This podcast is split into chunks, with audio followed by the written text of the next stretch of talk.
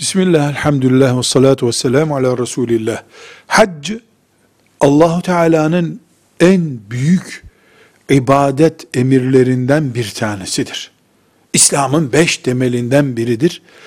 Hac etmek bazı ekonomik fırsatlar ve diğer şartlarla, imkanlarla oluşmaktadır. Bir Müslümanın filan sene hac etme imkanı yüzde yüz oluşmuşsa, evlilik çağında çocuğu var diye haccını asla erteleyemez.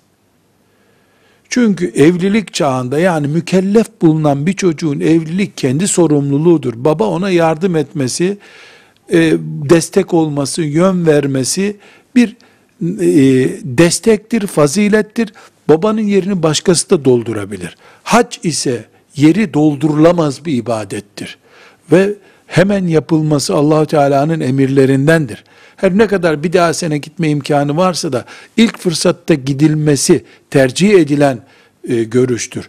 Bu sebeple farz olan ilk defa yapılacak haccı evlendirilecek çocuk nedeniyle erteleyemeyiz. Ama ikinci defa yapılacak hac için, nafile umre için sorulduğunda deriz ki çocuğumuzu evlendirip iffetiyle yuvasına oturtmamız nafile haçtan, nafile bir umreden çok daha değerlidir bu fitne zamanında. Velhamdülillahi Rabbil Alemin.